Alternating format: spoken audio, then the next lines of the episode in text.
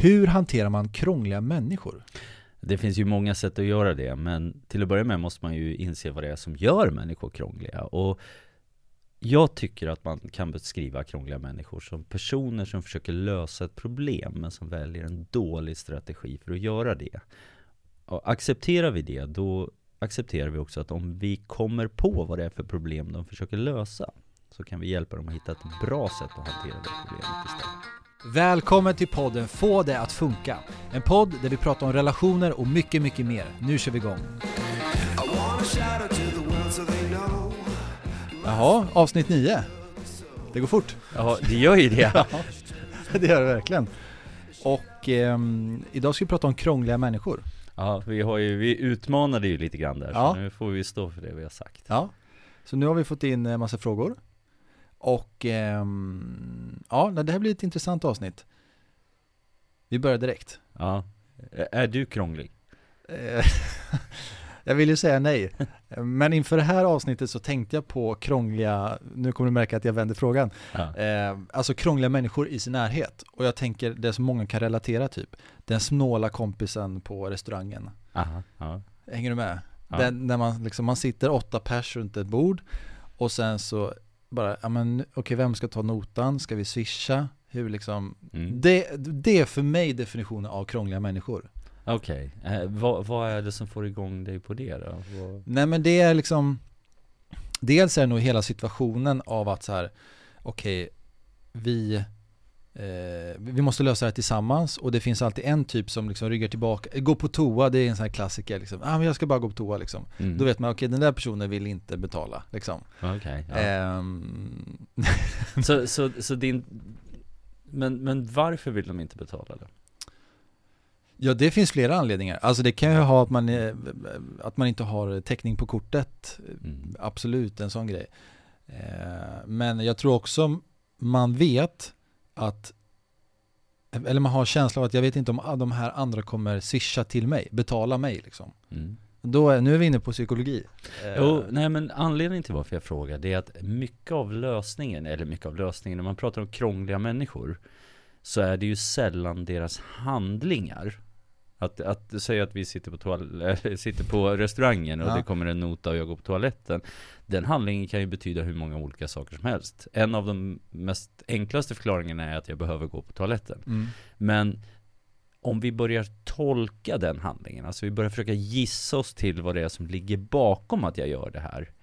Då kan man lätt börja reta sig på människor. Alltså det jag försöker säga är att vi retar oss sällan på det människor gör, utan det vi Mm. retar oss på är det vi uppfattar som deras attityd eller inställning som ligger bakom beteendet. Mm.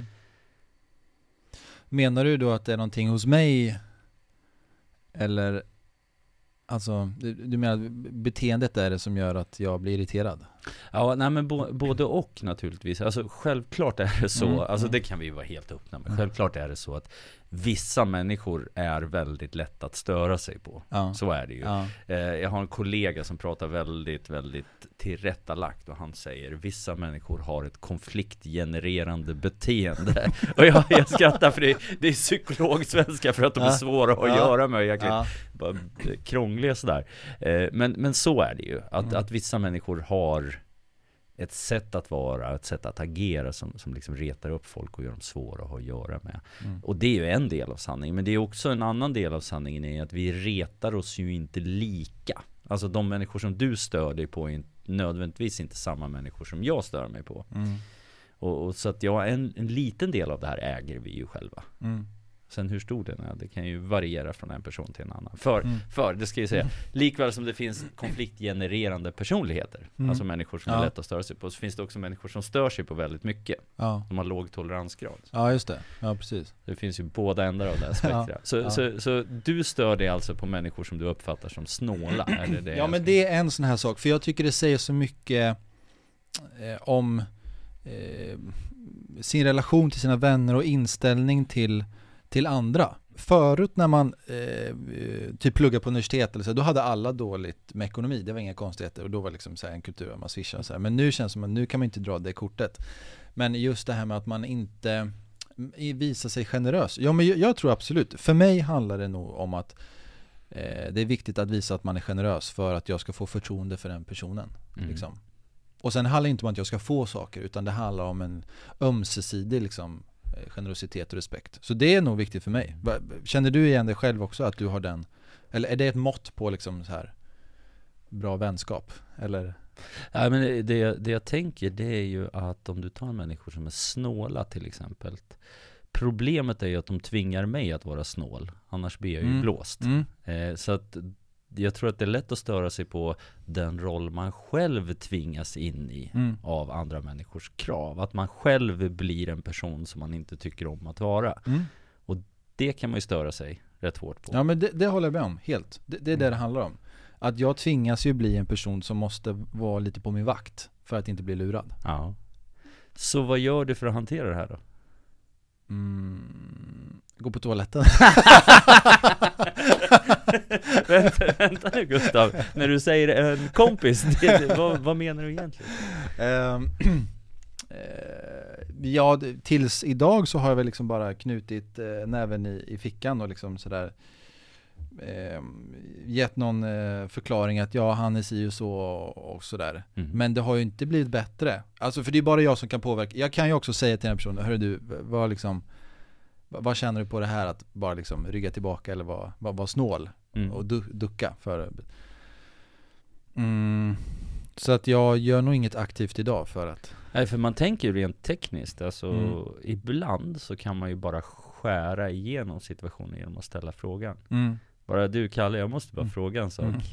Ibland får jag känslan av att du försöker smita från notan Ja. Eh, Och då, då börjar Ja. jag fantisera om att du skulle vara snål och sniken, är det ja, så? Ja Men tror du att det blir bättre då eller tror du att man Ja, blir- det, du kommer att ha en annan diskussion än du Ja. har haft tidigare ja. Och det, det är ju ett alternativ om det är så att du börjar knyta handen i fickan så pass mycket att du inte vill vara med personen ja, ja precis, ja, Då kanske det är bättre att, att ställa frågan ja mm.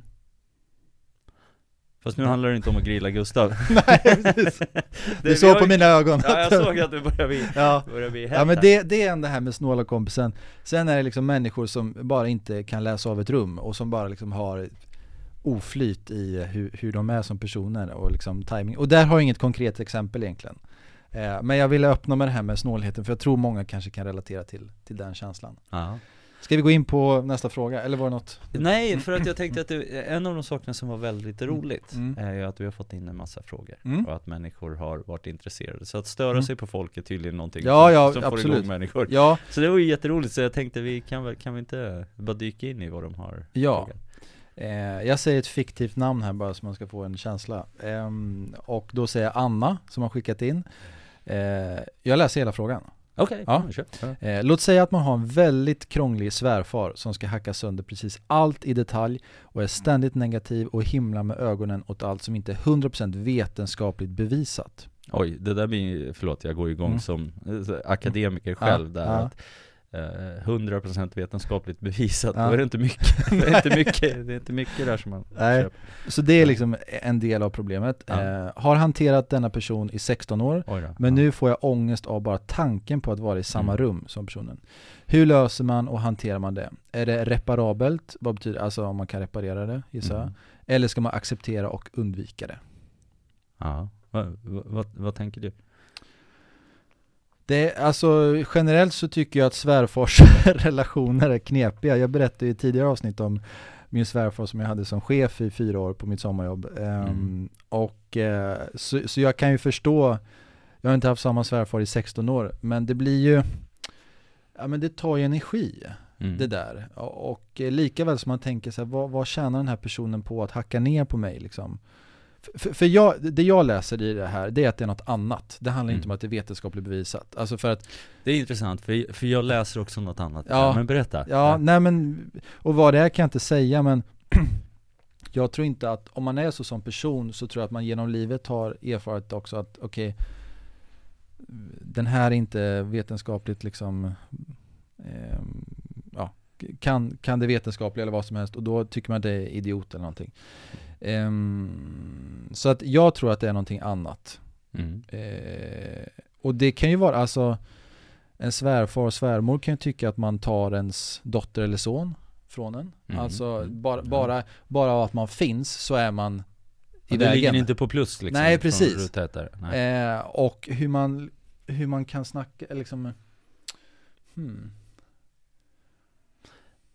Ja, för jag, om jag bara ska tänka högt, Mm. så, så det finns en strategisk fråga och det finns en taktisk fråga i det här. Det, den strategiska frågan, det är liksom hur, hur hanterar man människor som är så här? För, för att, som jag ser det när, man, när jag läser den här frågan, så den här svärfarfiguren, Mm. den uppvisar ju, det är två olika beteenden. Det första är att det är en person som är negativ hela tiden, och som du vet hymlar med ögonen och sen Mm. och du vet, suckar och stönar när man försöker säga någonting och, och, och, och negativa människor, det är ju någonting som man springer på när man jobbar på arbetsplatser till exempel så, så eh, den här typen av negativa människor som liksom allt är dåligt, ingenting Mm. är bra, det var Mm. mycket bättre och det kommer aldrig att funka och det är liksom ingen idé och de suckar och stönar och ofta är de väldigt subtila i det här. Mm.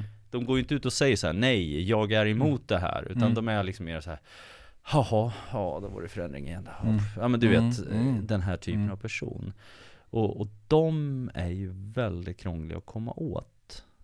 Därför att de är, hela deras sätt att vara är att vara negativa utan att egentligen ta ställning. Mm. Ja, just det. De, de, de liksom sprider en negativ energi. Mm. Men de är alltid i bakgrunden, de är aldrig i ljuset. Mm. Och, och där är ju, det är en fråga, alltså de allra flesta jag känner undviker ju bara de här personerna. Mm. Man vill inte vara i närheten av dem, man vill inte Mm. gå i samma grupp som dem, man vill inte vad det nu är. Mm. Och det är väl jättebra för att det, det är ju egentligen när man pratar krångliga människor i största allmänhet, det, det bästa du kan göra det är bara att ignorera dem och köra på. Mm. Eh, men frågan är vad gör man om det inte funkar då? Mm. Och det man kan göra det är att man kan då sätta ett ljus på den här negativiteten och vad den gör med, med eh, en själv. Mm. Och ett bra sätt att fråga ibland kan vara så här, du, och det här, det här är ett tips att alltid inleda med, du, jag, jag vet inte om det här stämmer eller inte. Mm. Notera att jag är inte tvärsäker, jag säger Ja. inte hur du är nu, utan jag säger bara så här, jag vet inte om det här stämmer eller inte. Men ibland uppfattar jag det som att eh, du tycker att det är jobbigt med nya idéer, eller tycker det är jobbigt när någon är framåt. Är det så? Nej, vänta, jag vet inte om det här stämmer eller inte, men ibland får jag intrycket av att du liksom närmar dig saker utifrån en, ett problemorienterad synsätt. Är det så? Mm. För då kan du få två svar. Du kan få att de säger Ja, så är det. Och då kan man säga ja, varför det? Och så kan man ha ett samtal om det. Men eh, oftast så säger de nej, så är det minsann inte alls. Jag är bara realistisk eller något sånt. Mm. Och då säger man, "Ah, gud vad skönt att, att, att du säger det, därför att jag tyckte det var jättejobbigt, därför att du är ju en viktig person för mig, och när du har en negativ inställning till saker, så eh, Ja, det påverkar ju mig. Jag blir Mm. negativ av det, så att det var Mm. skönt att höra, för då, Mm. Ja. så kan man ha en annan diskussion kring ja, just det. och, och jag tänker ibland också det här suckandet, himlandes med ögonen och så, Mm, mm. Det, det finns ju en sån här teknik, den är lite Mm. ful, men som man kan använda. Men du vet när någon är så här, man säger någonting så säger de så här och så himlar de med ögonen. Då kan man vända sig och säga, men vänta, tyckte du det här jag sa var dumt eller fånigt eller någonting? Man, man liksom bara går rakt på med en fråga. ja, just det. Då säger man, vad menar du då? Nej, för att jag, jag tyckte du suckade och himlade med Mm, ögonen ungefär mm. sådär som man gör Fånga situationen lite. Yes, och beskriv vad du ser Ja. och fråga vad man menar. Ja. Eh, då, det är inte alltid det fungerar, men det kan Mm. öppna en annan eh, Det kan öppna en annan diskussion och framförallt det gör det väldigt jobbigt att vara negativ om Ja. du måste svara på varför du är det hela tiden. ja, precis. Eh, så man kan, man kan ju bara ställa, men här får man passa sig, för fällan är att man får inte säga så här Gustav, du är negativ! Ja. Därför- Nej, precis. Då blir det ju försvar, Ja. utan man får, man får istället vara liksom Men du, när du gör sådär liksom, Mm. Då uppfattar jag det som att du tycker att det jag säger är värdelöst eller dåligt, är det så? Mm. Mm. Då skiner man en, en strålkastare på problemet Ja. Men, men det var inte det enda problemet med den här svärfaren Eh, nej, du menar om man ska acceptera eller undvika det? Ja, nej men och det, det där är ju, det finns ju ingen enkel regel därför att det måste man ju känna efter själv Men Mm. jag, jag, går det så här långt? Mm. Alltså jag, jag brukar säga så här, tänk dig det här som en trestegsraket Första steget är att man bara låter beteendet passera, man bara Mm. struntar i det Folk är Mm. negativa, man bara okej, ja fine Mm. Nästa steg, det är ju att man försöker liksom använda lite fina tekniker för att skruva till beteendet. Mm, Alltså när mm. någon suckar och stönar säger man Mm. Du, du suckar och stönar när jag sa det. Mm. Det låter som att, att du inte håller med. Är det så? Ja, ja, Och sen, då får man se vad som händer. Och det är liksom steg två, de här milda interventionerna. ja. Steg tre, om det börjar gå så här långt. Så att man liksom får ångest av att vara i samma rum som personen. Då finns det ju en sak man kan göra. Men man ska vara medveten om att man tar en risk också. Och det är ju bara att vara ärlig. Och jag du svärfar i det här fallet. Eh, jag måste prata med dig om en sak. Eh, grejen är att, att och du är en viktig person för mig. Så du påverkar mig väldigt mycket. Och jag måste bara säga rakt ut att ibland får jag intrycket av att vad jag än säger så är du negativ kring det. Och vad jag än försöker diskutera så vill du bara ha ett perspektiv kring det. Jag vet inte om det här jag säger är sant eller inte. Men det här är intrycket jag får. Och det har faktiskt gått så långt nu så att jag tycker det är jobbigt att vara i samma rum som dig. Jag får ont i magen när jag är på väg hit. Vill du att jag ska känna så? Då sätter man liksom strålkastarljuset direkt på Ja. problemet. Och så säger man, det här är effekten du har på mig. Vill du ha den effekten? Vill du att jag ska känna så? Och då, då kan man ibland få svaret, ja det vill jag. Ja men då vet man ju det i alla Ja. fall. Då får man vidta åtgärder. ja. Eller så säger de, nej så vill jag inte. Då säger man, gud vad skönt. För att då undrar jag, skulle, skulle, vi, skulle du vilja Mm. hjälpa mig så vi kan Mm. prata om saker och Mm. liksom ha en, ha en naturlig diskussion? Och det känns när du säger sådär, då är det ju det självklara. Och det har vi pratat om innan det här, att utgå från sig själv. Att det alltid är det bästa. Och liksom hur, hur jag känner när du agerar på det sättet. Mm. Eh, för att det finns ingen som kan säga nej, så känner du inte alls. och nej kanske, precis. Eh, och om man läser in hur det här, liksom, eh, ja, en äldre man som är liksom Mm. lite bestämd om man ska vara fördomsfull Mm. och, och liksom Ja för jag tänker det här Mm. 100% vetenskapligt bevisat. Till Mm. att börja med småskrattar jag lite. Ja. För hela poängen med vetenskap är att Ja. ifrågasätta vetenskap. Ja. Så att om du Ja. inte ifrågasätter vetenskapen Ja. så håller du inte på med vetenskap. Så Nej. det är fine. Men det är bara min ak- akademikernerv som reagerar. Men, men hur ska man hantera det då? Jo men du, du tar ju en diskussion och sen när det här kommer upp Ja men du vet att det där är inte Mm. vetenskapligt Mm. bevisat och så Mm. Då säger man ah okej, för du säger ofta det när jag lyfter fram min åsikt Mm. Och jag får intrycket av att du inte vill diskutera Utan du vill bara tala om för mig vad som är rätt eller fel Så jag måste ställa frågan till dig direkt Vill du höra min åsikt? Sätter du värde på det? Eller är det ointressant för dig? Mm.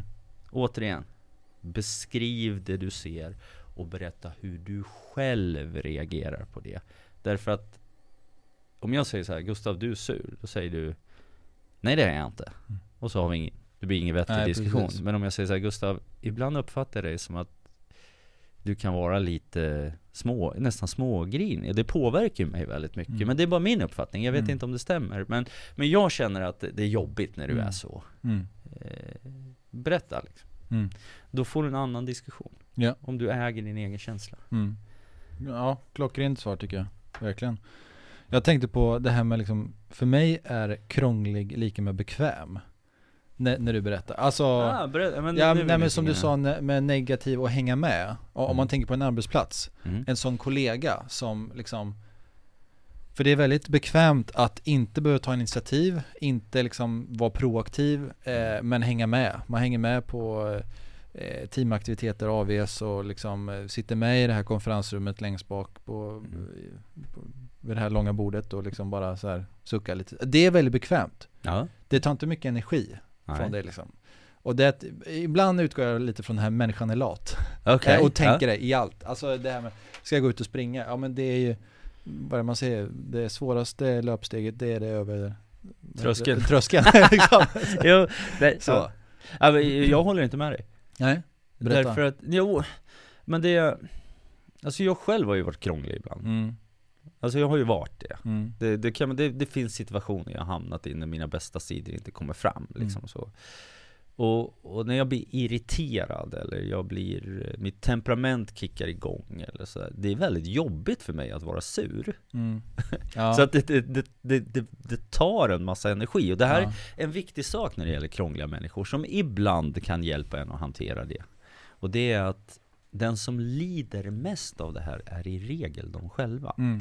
För det är ingen människa som väljer, alltså det är väldigt få människor som vaknar om vi tar ett jobb, som vaknar på morgonen och liksom bara Jaha, då är det torsdag, nu är det dags att gå till jobbet och göra livet till ett helvete för Mm, alla där. liksom det, den typen av ondska är väldigt, väldigt ovanlig. Ja. Utan i regel så är det så att, att de här människorna befinner sig i en situation som de tycker är väldigt jobbig, men de kan inte komma på något bra sätt att hantera det. Så, så de har fastnat i ett sätt att hantera problemet, till Ja. exempel genom att vara sur eller genom Ja. att vara grinig. Ja. Eller genom, nu läser jag ju in lite grann i den här eh, svärfaren här, den här 100% vetenskaplig. Du märker att det får igång just mig då. Det, det är lite pedantiskt. Mm. Vad menar du då med pedantiskt? Jo men pe- pedanter är ju människor som vill ha det på ett visst sätt. Mm.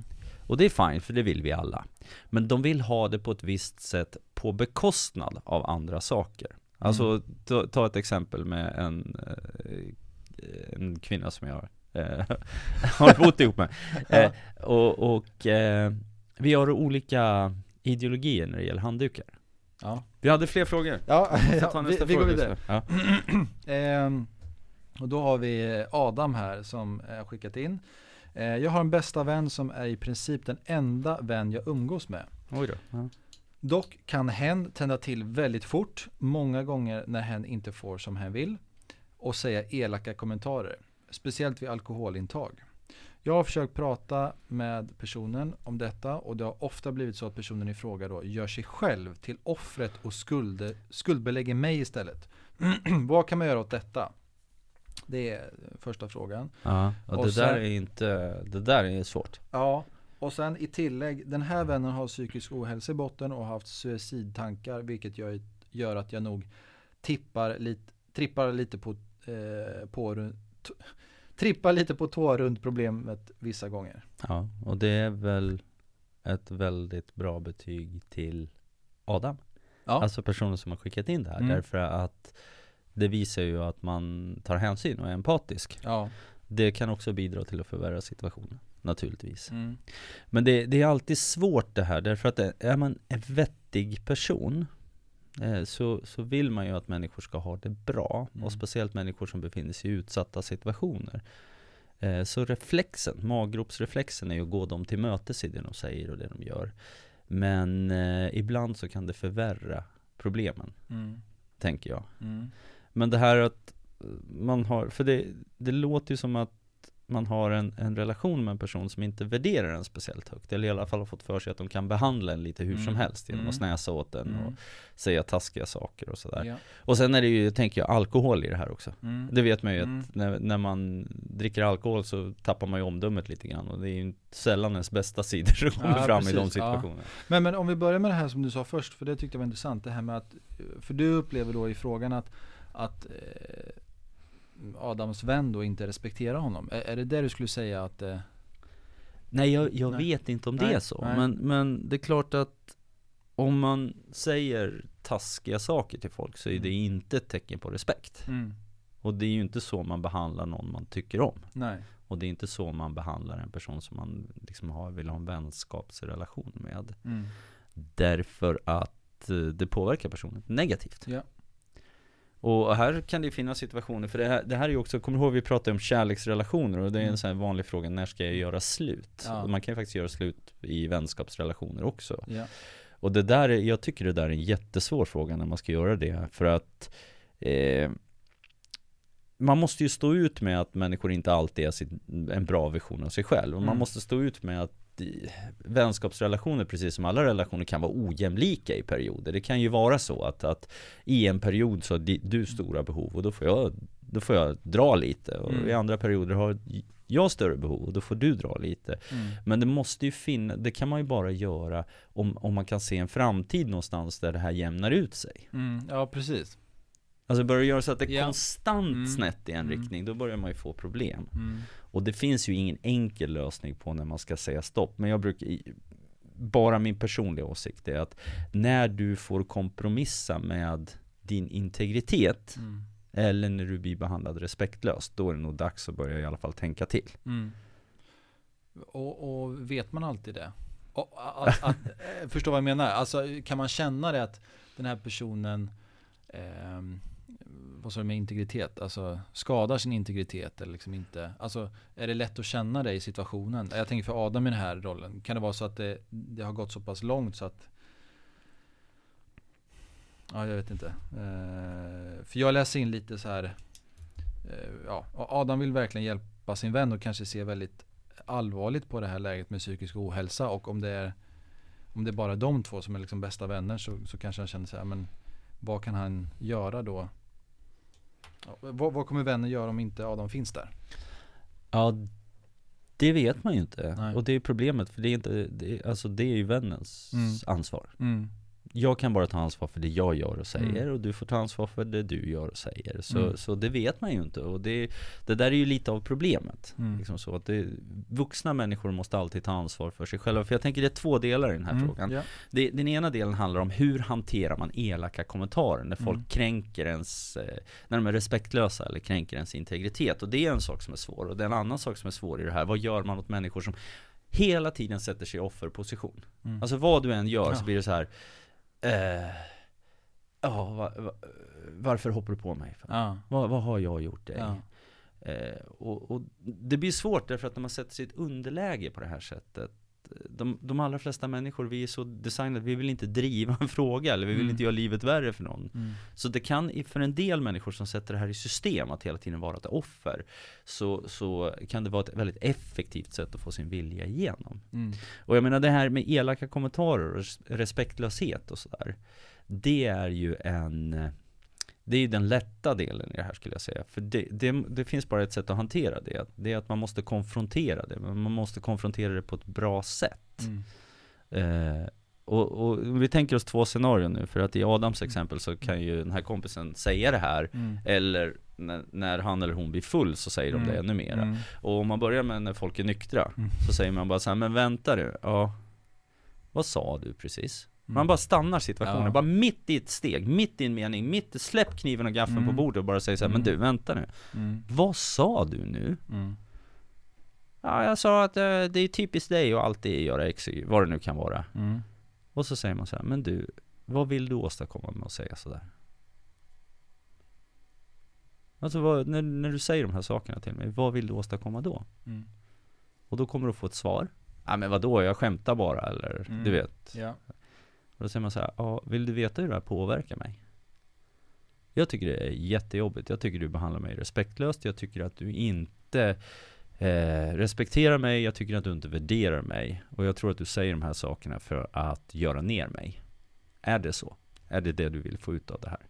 Nej, så är det naturligtvis inte. Nej, men det är det som händer. Mm. Så varför gör du det här? Det är så man hanterar de här elaka ja. kommentarerna med en direkt konfrontation. Notera, jag säger inte själv varför du gör det här. Jag säger bara att när du gör det här så påverkar det mig på det här mm. sättet. Är det det du vill? Mm. Och då kan man ha en annan diskussion. Mm.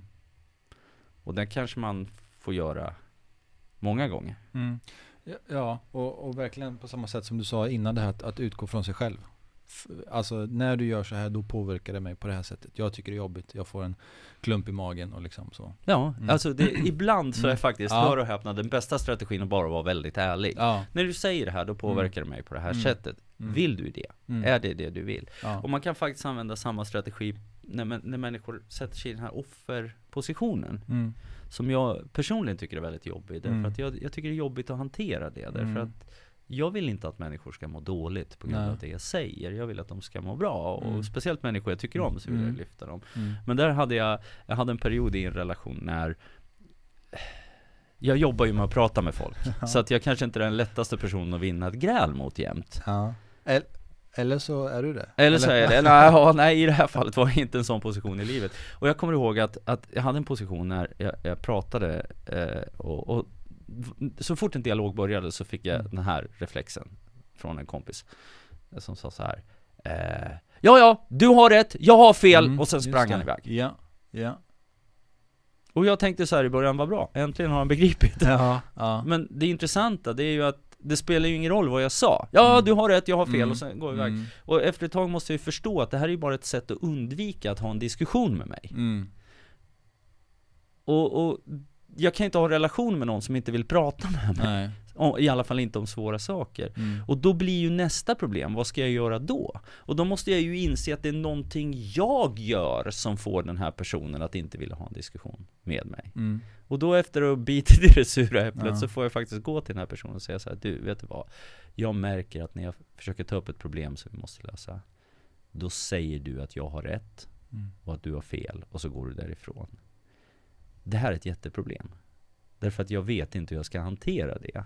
För, för du och jag måste ju kunna prata om saker även om de är svåra. Jag måste kunna få säga min åsikt Mm. även om den inte är populär. Vi måste kunna ha en diskussion. Så nu, Mm. nu undrar jag, rakt på sak. Finns det någonting jag kan göra som kan få dig att vilja prata med mig istället för att gå iväg? Vad kan jag göra? Kan jag uttrycka mig annorlunda? Kan jag ta upp ämnen annorlunda? Vad, vad vill du att jag ska göra? Mm. Eh, för då kan man ha en dialog om det. Och, och det jag tänker när människor sätter sig i den här offersituationen, då blir det ju väldigt viktigt att gå varsamt fram. Mm. Men då får man säga så här att, eh, vet du vad? När, när jag försöker, jag försöker lyfta problem som jag vill diskutera med dig. Och, och jag upplever det som att när jag gör det, så säger du väldigt snabbt att du känner dig påhoppad och att jag trycker ner dig. Och att jag inte ska, så att jag undrar, hur ska jag ta upp frågor med dig så att du inte känner på det sättet? Mm. Så att du känner att du kan ha en vanlig diskussion och vi kan liksom försöka reda ut fakta och komma till logiska beslut och så. Finns det någonting jag kan göra? Kan jag uttrycka mig annorlunda? Kan jag vara an- vad, vad vill du att jag ska göra? Mm. Eh, för ibland kan då människor säga ja, jag skulle vilja att och så kommer det något svar. Mm. Och det där, det är ett sätt att försöka komma åt människor. Så- Men man får passa sig därför att en del människor befinner sig i en situation där de är väldigt utsatta. Och det är därför jag tycker att man måste vara försiktig när man Ja. konfronterar. Det är mycket bättre sätt att säga så här att när vi försöker prata om de här sakerna, då hamnar vi fel. Mm. Så därför undrar jag, finns det någonting jag kan göra som gör att vi ska kunna prata om de här sakerna Mm. på ett bättre sätt? Mm. För då lyfter jag problemet och jag säger signalerar också att jag är villig att ta ansvar för min Mm. andel i det här. Ja, jag vill gärna precis. hjälpa dig. Ja, ja. ja, ska vi summera? Ja, nu har jag tungan börjar alldeles svettig. Ja, ja. Eh, Men, men eh, roligt ändå, roliga frågor ändå. Ja men jag. verkligen, ja. Eh, och eh, att det är verkliga händelser, för på något sätt, eh, ja men som vi båda, vi vill ju hjälpa till. Eh, så, och nu kan vi förhoppningsvis hjälpa många också. Eh, och det här har hjälpt mig. Eh, jag har tänkt på tre saker, Ja. för att summera. Eh, utgå från sig själv, Ja. stanna situationen, Ja. Alltså det här freeze, för, för det blir det mest odramatiska. För att det jobbiga är ju när man kommer en vecka efteråt och säger du det där, för då är det så här, jaha okej ett du litar inte på mig, du tror att jag liksom kommer ställa till en scen om jag, om, om vi pratar om det här nu, ja och så vidare och så vidare. Men det här med att stanna situationen, Mm. den, den tog jag till mig verkligen. Eh, Den, den känns som mest, och det blir ingen konstig stämning liksom. Mm. Nej men jag, jag tycker det är effektivt. Psykologer har till och med ett namn för det. De Ja. säger gå till här och nu situationen. Ja, Beskriv det Ja men precis, men just i läget och bara Ja. vänta, det kan varit, och det här som du sa, jag vet inte Men det kan varit jag eller så, hur reder vi ut det här? Tredje, eh, vad kan jag göra? Ja, den är väldigt kraftfull. Jag vill gärna hjälpa till. Mm. Vad kan jag göra? Ja de, de tre tillsammans tycker jag är en bra konflikthanteringssituation, eller hantera krångliga människor eh, nyckel liksom. Mm. Det skulle vara roligt att höra från Anna och Adam längre fram. Ja, Se hur det har gått. faktiskt, ja Ja men det är, eh, det är en bra uppmaning Väldigt bra Ska vi säga så? Det gör vi. Tack och hej Ha det bra.